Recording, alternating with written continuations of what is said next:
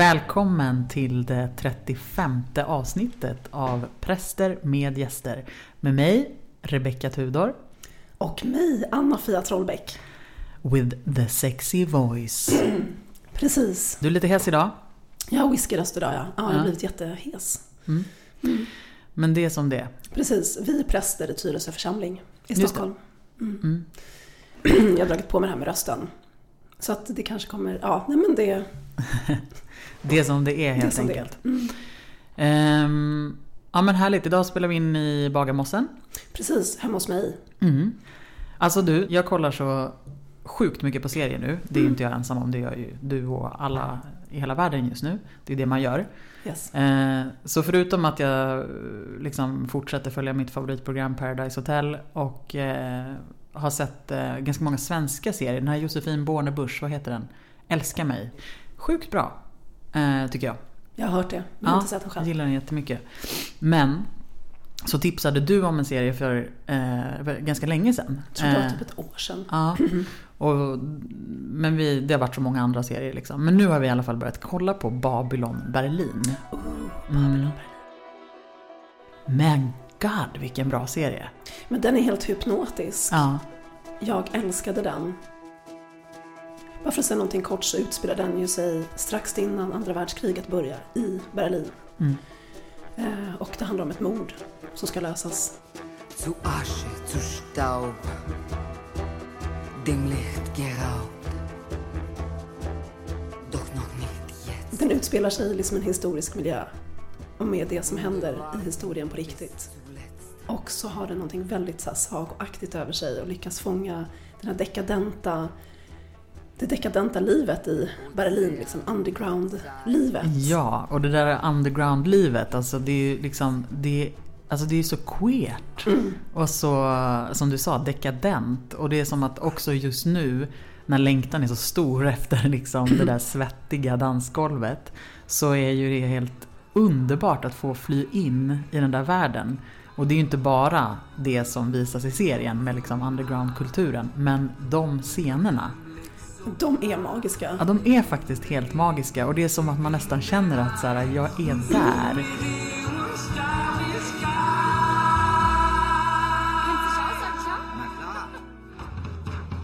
Det, det är fantastiska liksom, dansscener eh, ifrån liksom, ja, lite queera underground eh, liksom. Mm.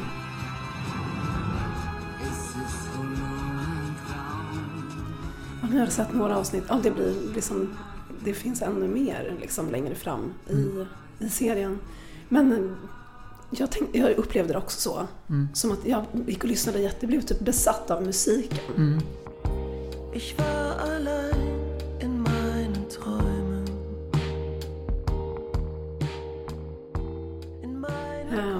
Men och sen så när, när jag hade kollat färdigt så ville jag liksom inte bli av med den här känslan som jag var fylld med. Den här liksom,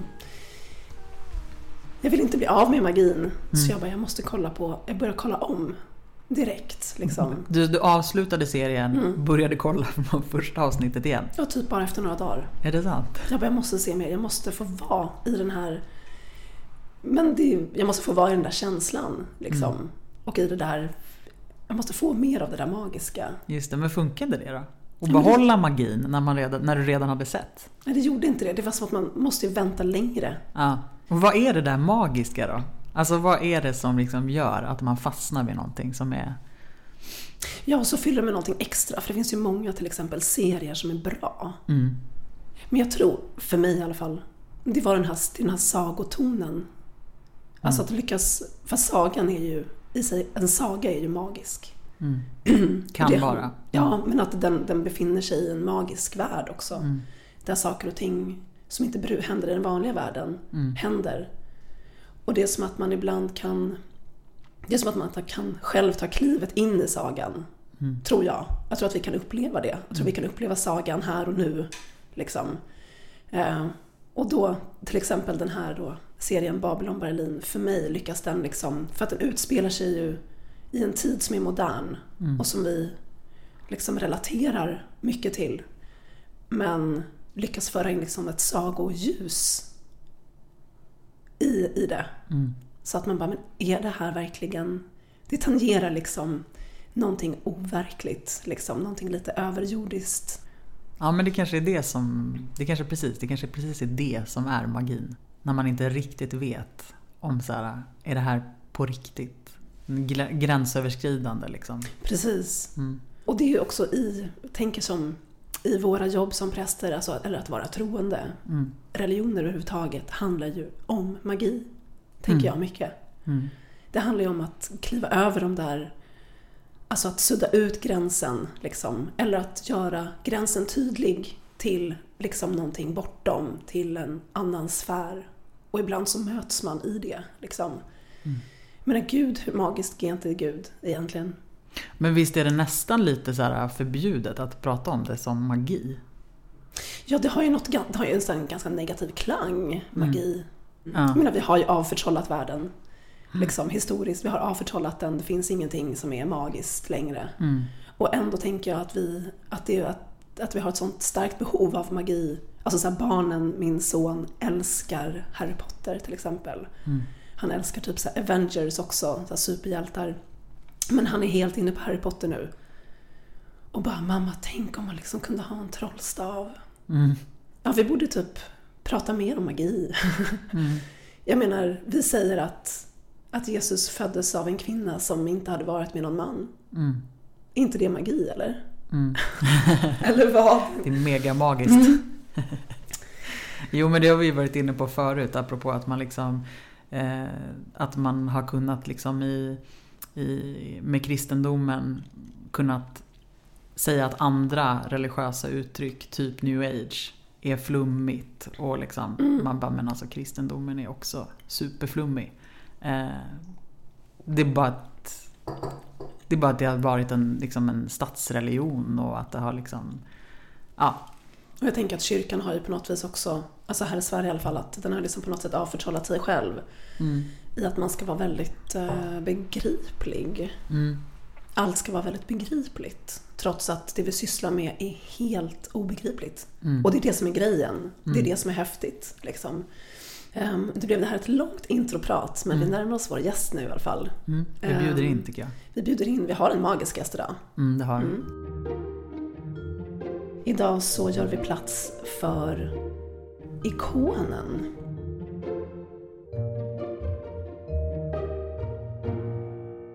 Och ordet ikon kommer från grekiskans ikon och betyder avbild. En ikon då är en religiös bild, en religiös konstform. Ikonen säger man är, man brukar beskriva ikonen som en jordisk avbild av en himmelsk urbild.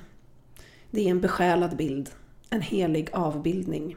Och eh, ikoner finns ju framförallt i ortodoxa kyrkan. Ikonen är inte enbart en illustration, utan ikonen är en del av det religiösa budskapet. Ikonen uppfattas alltså som en fysisk uppenbarelse av det som den föreställer. Ingenting på ikonen är målat av en slump utan allt har symbolisk betydelse. En ikon kan, är oftast målad på trä, men den kan också vara gjord av mosaik eller textil, kan vara en skulptur. Den ofta, det som kännetecknar den är ofta att den är målad med guld och att personerna alltid har en gloria. Och de som avbildas då är ju Maria och Jesus, Maria med Jesusbarnet, helgon och änglar f- framför allt. Eh, Och de äldsta ikonerna eh, gjordes på typ 300-talet och som finns eh, ja, bevarade. De är ju fruktansvärt gamla. Fruktansvärt gamla. De är så jävla gamla. Men jag tänkte också lite sådär på just ordet ikon. För många så kanske det är förknippat med em, de små bilderna som finns på en dataskärm. Och det är lite spännande tycker jag. På en data. på en Det dataskärm. finns väl även på mobilen? Jo, men då, då kallar vi det för appar. Ja, det har du rätt i. Men visst. Men om man, och det, det här är lite roligt tycker jag, om man klickar på en, då, en ikon på dataskärmen så öppnas ett fönster. Och i det här fönstret så finns det fler ikoner som man kan klicka på som öppnar vidare till kanske fler fönster eller till någonting specifikt. Jag älskar att du är så eh, dataexpert nu och vill berätta hur liksom ikoner funkar på dataskärmen. Jo, men det som är spännande är ju att man brukar säga att ikonen, den religiösa ikonen, är ett fönster mot himlen. Och att man då, ehm, att den är liksom ett fönster mot andra världar om man så vill. Och ikonerna på datorn har ju typ samma funktion. Alltså de öppnar upp fönster mot liksom mindre världar Mm. på ett sätt, men mot andra. Snajdigt! Alltså Mm. du fick ihop det. Det där gillar jag. Eller hur? Ja. Ja, det tyckte jag var lite kul faktiskt. Ehm, eller så kanske man också tänker på ikonen som man säger att en person är så ikonisk.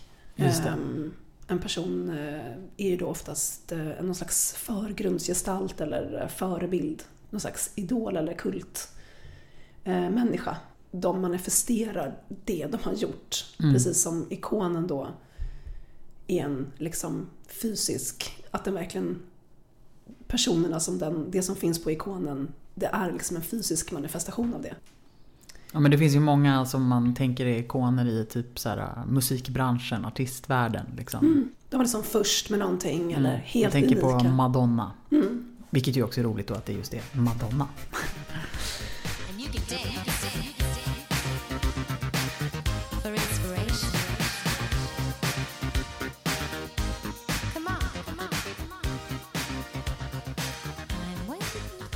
har du någon eh, favoritikon? Eh, ja, det har jag. Alltså jag har ju... Jag älskar ikoner. Eh, och har eh, liksom hemma har jag en, en ikonvägg. Det har du. Hur många ikoner finns det där typ? Jag bara, eh, nej men jag vet inte, 15 kanske? Och de har du liksom köpt och fått? eller? Ja, precis. Så det är både ikoner som jag fått som gåva och sådana som jag har köpt på själv. Kanske på någon resa eller så. Eh,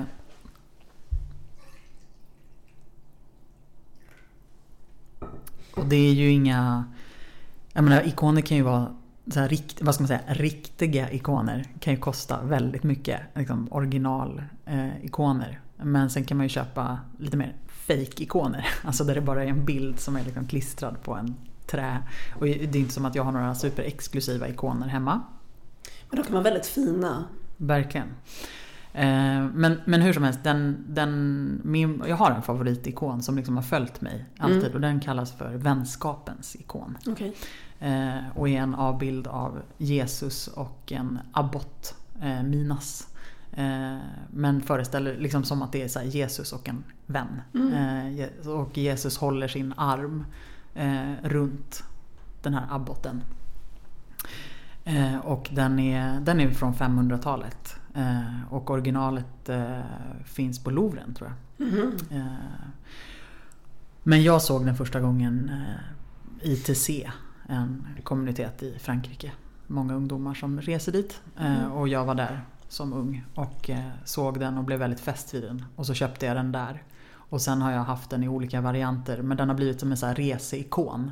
Så att alltid när jag har rest så har jag haft med mig den. Eh, Den är ganska liten då eller? Ja, jag har den i olika storlekar. Jaha! Ja, men, men så att den, den som är liten, den har jag med mig i resväskan. Mm. Alltid. Ehm, Så den har kommit att bli min så här, favoritikon. Också för att den heter vänskapens ikon. Jag tycker det är vackert. Det är vackert. Jesus kallar oss Mm. vänner. Vi ska Just det. vara vänner. Mm. Ja. Amen.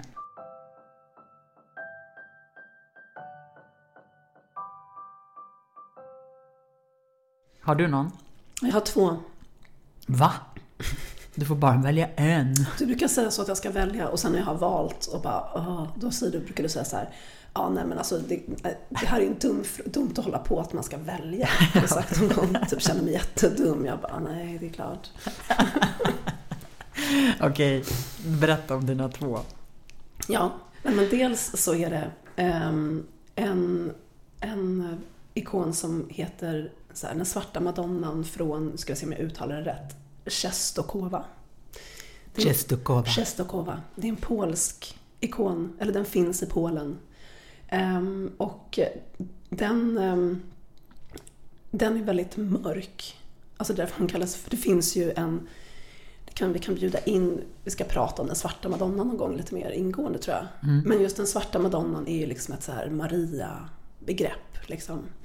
Och det är när madonnan har mörk hud. Ehm, och eh, det som jag tycker är väldigt fascinerande med den här är att hon har ett väldigt så här, hon är väldigt, man ser knappt hennes ansikte utan det är väldigt dunkelt. Och sen så är glorian, den lyser däremot. Mm.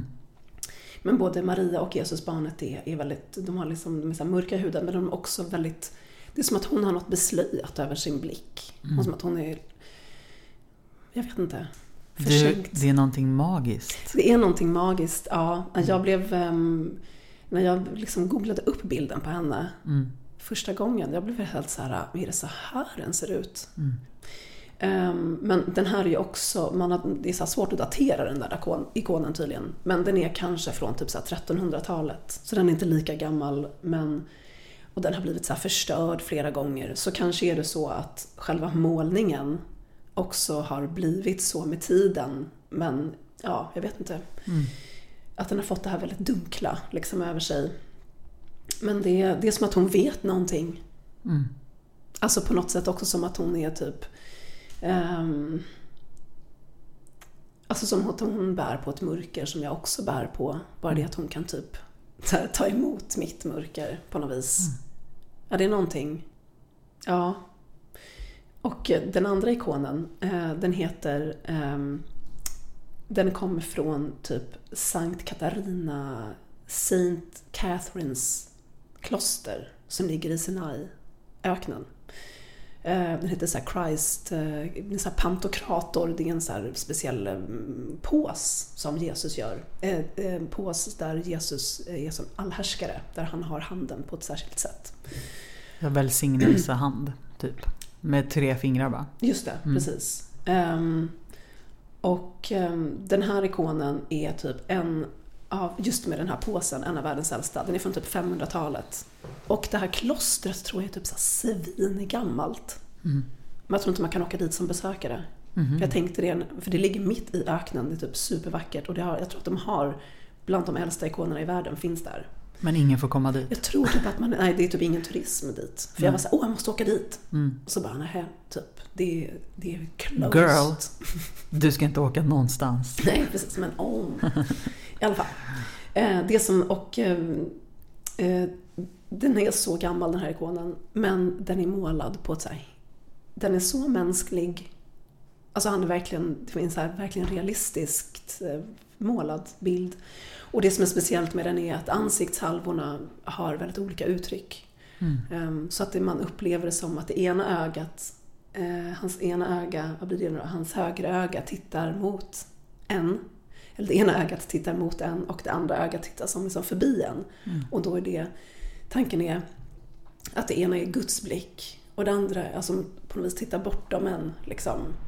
Medan det andra är då Jesus blick, den mänskliga blicken som tittar på dig och möter dig. Och på så sätt så ehm, förenas liksom Guds, de här naturerna, det, det, det gudomliga och det mänskliga. Just att Jesus har den här blicken finns ju på många andra ikoner också. Men den här i synnerhet liksom speglar det här på ett så här jättemänskligt sätt. Eller ja, jag blir väldigt tagen av den och att den är så väldigt fint gjord. Ja men och det är väl det där också just med Guds natur av att vara sann gud och sann människa samtidigt. Och så lyckas man liksom visa det i en bild. Det där tycker jag är spännande. För att vi pratar om det så mycket. Alltså orden. Men det är som att det är något annat som jag förstår när jag ser den här bilden. Mm.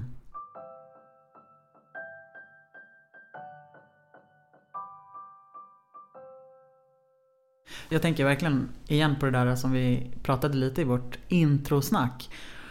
Om hur vi avförtrollar och vad vi, hur vi tänker att allting ska vara begripligt.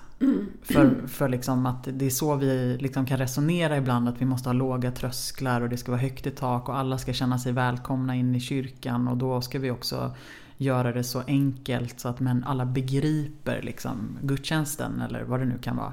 Eh, men att vad är det att begripa? Liksom? Det är ju som vi sa också, det är ju, obegripligt mycket av det vi pratar om. Och då kanske typ en ikon eller en bild kan bli begriplig på ett helt annat sätt. Därför att det, vi kan begripa det med vår själ och med vårt hjärta. Inte med vårt intellekt nödvändigtvis, men det liksom berör och touchar någonting annat. Eh, Det mystika och det magiska får liksom ta plats. Ja men precis. Jo, men jag tänker när man kliver in typ Eftersom i ortodoxa kyrkan så har ju ikonerna en enorm betydelse. Och kliver man in i en ortodox kyrka så är det ju liksom ikoner överallt. Eh, Medan om man kliver in i en klassisk liksom luthersk kyrka så är det ju ofta, nu för tiden kanske det finns några ikoner. Ja men i alla fall man kanske inte ska prata om, eh, då ska man kanske lutherska kyrkor inte i Sverige. Nej men precis. Kanske framförallt. Ja. Ja men visst, och det har hänt jättemycket också med den lutherska kyrkan. Ja. Så, men men whatever. Det är, inte lika, det är inte lika fullt av ikoner även om det kan finnas några stycken nu för tiden. Men eh, det, det är en stor skillnad i också vad man kliver in i för typ av rum. Jo men så här, om man tittar på kyrkan, de olika kyrkofamiljerna, Mm. så den kalvinistiska eh, grenen, där är ju typ, jag tänker, den är liksom bilden av ondo. Där Alltså kanske- av bilden. Av bilden, Mm, ja. mm, mm. ja. Där är väl kyrkorummet helt rent. Mm. Kanske finns ett kors, eller det finns ett kors. Mm. Men inga bilder alls liksom. Sen har vi typ katolska kyrkan och eh, ja, typ svenska kyrkan. Ehm, till exempel då som protestantisk där, där bilden liksom används som man tänker så här, men det är inget fel. Eh, alltså bilden är inte av ondo utan man, kan använda bilden som illustrationer i undervisning och för att liksom och så. För bön. Mm. Mm.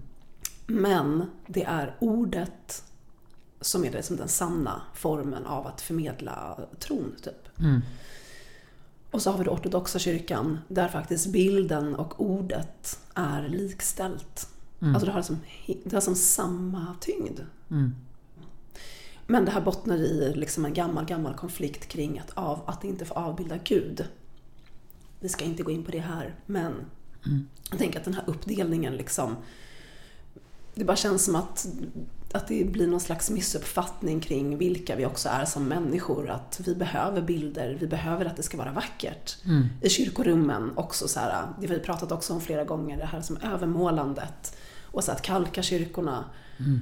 Tog ifrån oss någonting. Liksom. Någonting hände ju med att kyrkorummet plötsligt var tomt. Mm. Och där stod prästen och förvisso pratade på ett språk som jag då kunde förstå. Mm. Men jag fick inga andra intryck. Nej men exakt.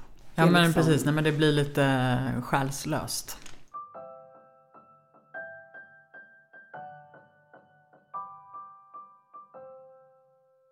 Men vad tänker du att det liksom, jag tänker att det här är just eh, att, vi, att man kallar ikoner för fönster mot himlen. Och liksom, vad, vad betyder det för dig? Liksom?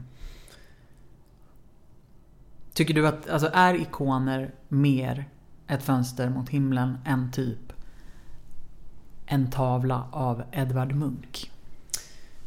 Inte nödvändigtvis, tror jag. Mm. Ehm, ikonen har ju någonting över sig. Sitter och tittar på en av ikonerna här nu. Som ju skiljer sig från all annan typ av konst. Liksom. Och att den är gjord också enligt en väldigt så komplex eh, process och i ett slags meditativt tillstånd liksom av, av em, ikonmålaren och så. Men jag menar det som jag kan känna när jag ser på en ikon, det har jag känt med annan konst. Mm. Och då har jag tänkt, det här är verkligen en stark andlig eller religiös upplevelse som jag har med det här konstverket. Mm. Men hur tänker du? Jag tänker att det som skiljer sig, eller liksom att ikonen, den är ju så tydligt eh, helig. För att den symboliserar rakt av liksom en gudsavbild eller en helgon eller liksom he, medans Alltså det är på något sätt vad jag går in i med för känsla när jag möter en ikon. Eller om jag möter ett konstverk där jag snarare behöver... Där jag inte kanske vet vad det är jag tittar på. Eh, Men jag tänker helt klart att bilder kan vara magiska för att de försätter oss i ett magiskt tillstånd. Liksom. Men att det så mycket är beroende på också omständigheterna. Alltså i vilket rum befinner jag mig när jag tittar på den här bilden? I vilket sammanhang är jag? Och ofta så möter vi ju ikoner i kyrkorum som redan i sig har försatt mig kanske i en annan känsla av magiskhet eller helighet eller mystik eller vilket ord vi nu vill använda. Mm medans annan konst kanske jag ser på ett, ja, i ett annat rum. Liksom. Precis. Som du placerar ikoner i, på ett museum Mm. och eh, konst I en kyrka. i en kyrka, ja. Mm. Icke-religiös konst i en kyrka. Mm. Var liksom, Ja, vad händer med konsten? händer eller med konsten ikonen? och vad händer med rummet? Mm. Mm. Ja, men jag menar, absolut. om jag, eh, om jag skulle sätta, ha en ikonutställning på, jag vet inte, Moderna Museet. Mm. Det är helt fel eftersom att det verkligen inte är modern konst, men i alla fall. Mm. Den Det var en typen. helt crazy tanke. Helt crazy tanke, i alla fall. Och så skulle, jag eh, komma, så skulle det komma besökare dit som skulle börja liksom tillbe de här ikonerna. Just det, Eller agera på ett sånt sätt som när man vördar en ikon. Just det, gå fram och kyssa dem liksom. Just det. Mm. Ehm, då skulle ju människor runt omkring, tänker jag, bli lite obekväma Mm. och tänka att sån här religiös hängivenhet får ni liksom pyssla med någon annanstans. Mm. Därför att det här är inte ett religiöst rum. Just det, spelar ingen roll om det som hänger på väggen är religiöst. Exakt. Men det här är ju heliga bilder. Liksom. Mm. Det blir, uppstår ju någon eh, dissonans. Liksom. Mm. Och kanske det blir på något annat sätt om man sätter att titta på liksom, konst i ett religiöst rum. Mm. Då är det ju som kanske att budskapet så förstärks av att man Just det. eller tolkningen går genom så här att, att, att, eh, att tavlan till exempel finns i ett kyrkorum, går igenom det rastret liksom. Mm. Nej, men för jag tänker också med det att, liksom att, att just ha ikoner hemma. Mm. Alltså vad det gör med ett rum. Att, att liksom fylla ett rum med ikoner. Eller fylla ett rum. Men, Mm. Ja men ha liksom en plats. ja, men för då blir det ju också en plats för eh, Ja men för det är som du, det är liksom, man hamnar ju ändå i ett, en eh, Man kanske får en större lust att tända ljus Mm. också liksom och dämpa just belysningen. Alltså att man kan också bli inspirerad av ikonerna som, alltså istället för tvärtom menar jag. Att man liksom vill förändra rummet för konst. Mm. Ja men precis. Jag har en ikon som jag fick när jag prästvigdes som jag har ovanför mitt skrivbord. Mm. Som är föreställer Maria och Jesusbarnet. Den är jättefin. Mm. Och ofta så sitter jag och bara tittar in i en Marias blick. Mm. För det brukar man också, man pratar ju om ikonens blick, att man liksom i ikonens blick kan ana evigheten liksom. Mm. Och för jag vet inte, det är någonting med blicken också som för mig är det här, så här fönstret. Det är liksom där det, det är någonting som öppnas genom blicken. Mm. Ehm, och så brukar jag undra ibland så här, vad är det med din blick? liksom. Mm. Hur tittar du på ikonen? Jo men alltså jag håller med dig om blicken och ansiktet. Mm. Eh, att det är att man kan bli väldigt hänförd för att man känner sig sedd. Alltså att det verkligen är ett, eh, att man kan, att man Ja, att det är inte bara jag som betraktar, jag blir också betraktad. Att det, upp, ja, precis, att det liksom uppstår ett möte. Att Men och det, att, precis, och att ikonen liksom upp, den liksom kallar på en. På Mm. det, alltså, det är det den vill. Mm. Den vill liksom Mm. att vi ska mötas. Det är det som är liksom syftet med den. Och att jag kan möta då Maria, Mm. eller Jesus, eller någon av änglarna, eller ett Mm. helgon typ. Jo men och också vad man går in med för, alltså Jag plockar ju ofta fram en ikon eller sätter mig vid ikonerna för att jag vill be. Eller för att jag vill liksom stilla mig. Så jag har också redan gått in med en inställning. Mm. Just det. Eh, liksom, I det mötet. Jag är öppen.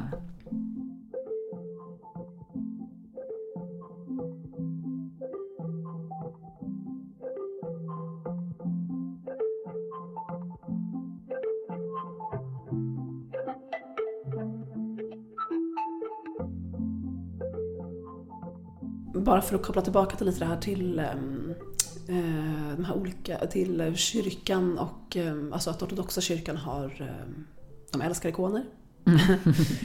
och, ehm, och att vi har varit lite mer reserverade då Mm. historiskt. Men, men nu är det, det är inget som är ett problem med att ha ikoner i kyrkorummet. Men det tycker jag också visar så tydligt på behovet av bilder. Att så här, vi vill ha mer ikoner. Liksom. Varför får vi inte tända räkelse? Räkelse? Rä, räkelse! Det är katolskt! kan inte alla få tända räkelse? Nej men, det, nej men så är det ju. Och det är ju alltså, jag tänker med rökelse också, jag tycker det är intressant. Därför att då, då får vi ju ytterligare ett sinne. Alltså luktsinnet. Just det. Alltså att det handlar om sinnligheten. Det handlar om att få, få uppleva Guds närvaro med alla våra sinnen. Åh gud, och det är så farligt. Det är jättefarligt. Nej men och att det är det man, plockar, det är det man har liksom tidigare plockat bort. Då är det bara liksom eh, ett sinne. Det är liksom vi lyssnar på ordet. Men varför har man plockat bort det för?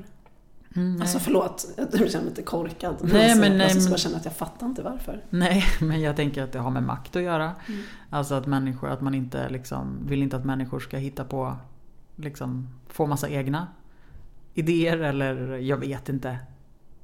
Nej. Nej, de vill ha bort flummeriet liksom på 1500-talet. Man, nu får det fan räcka. Mm. Nej men det där, ehm, ja det är det där med sinnena. Och eh, vi behöver uppleva med alla sinnen. Mm. Ja men jag tänker det och då, då kan man längta efter rökelse också för att då får jag uppleva något, det luktar liksom på ett speciellt sätt. Liksom. Eh, luktar gott, det är vackert, Stämningsfullt ljus. exakt. Mm. Det får gärna vara lite musik. Typ det man minst vill ha är ju pratet Ja, men faktiskt. egentligen. Det här babblet. Ja. Det kloka babblet. Ja. Det kloka babblet, det som vi ibland kallar för predikan. eh, nej men det, det... Ja.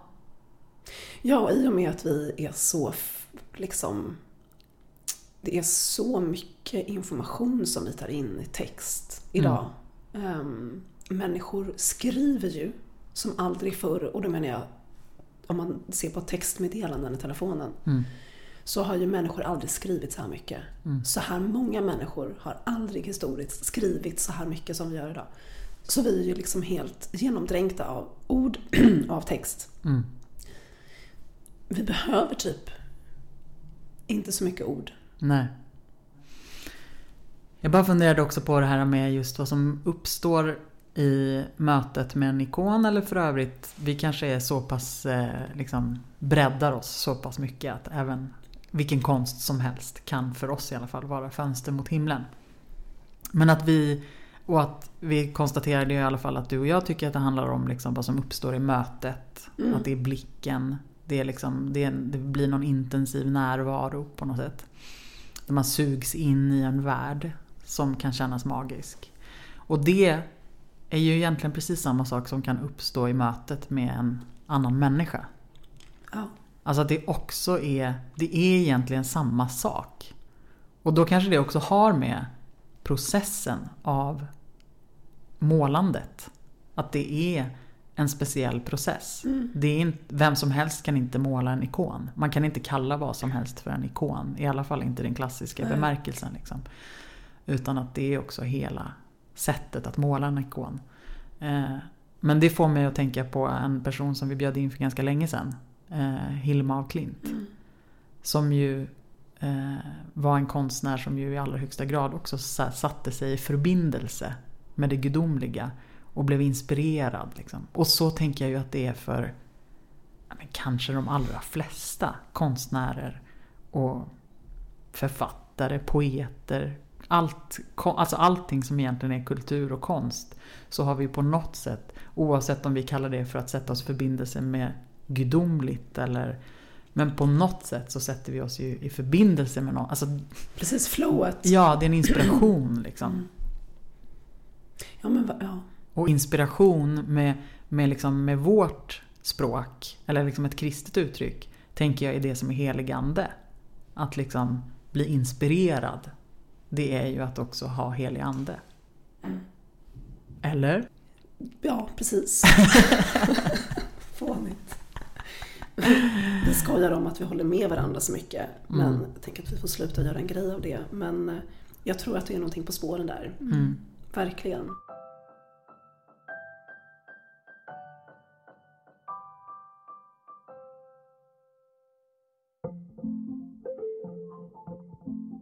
En bild kan vara magisk. Mm. Svar ja. Svar ja. Mm. Och vi lever i en magisk värld. Mm. Den är mycket mer magisk än vad vi ibland Mm. tänker. Ja, Och om inte annat så kan vi göra den magisk. ja, precis. Det, det får bli det sista vi säger alltså. Ja. Gör världen magisk. Mm. Ta fram Harry Potter eh, Trollstaven. trollstaven, exakt. Men så säger vi tack för den här veckan. Mm, Och vi ses nästa vecka igen. det gör vi. Ha det fint. Yes, ha det bra. Hej då!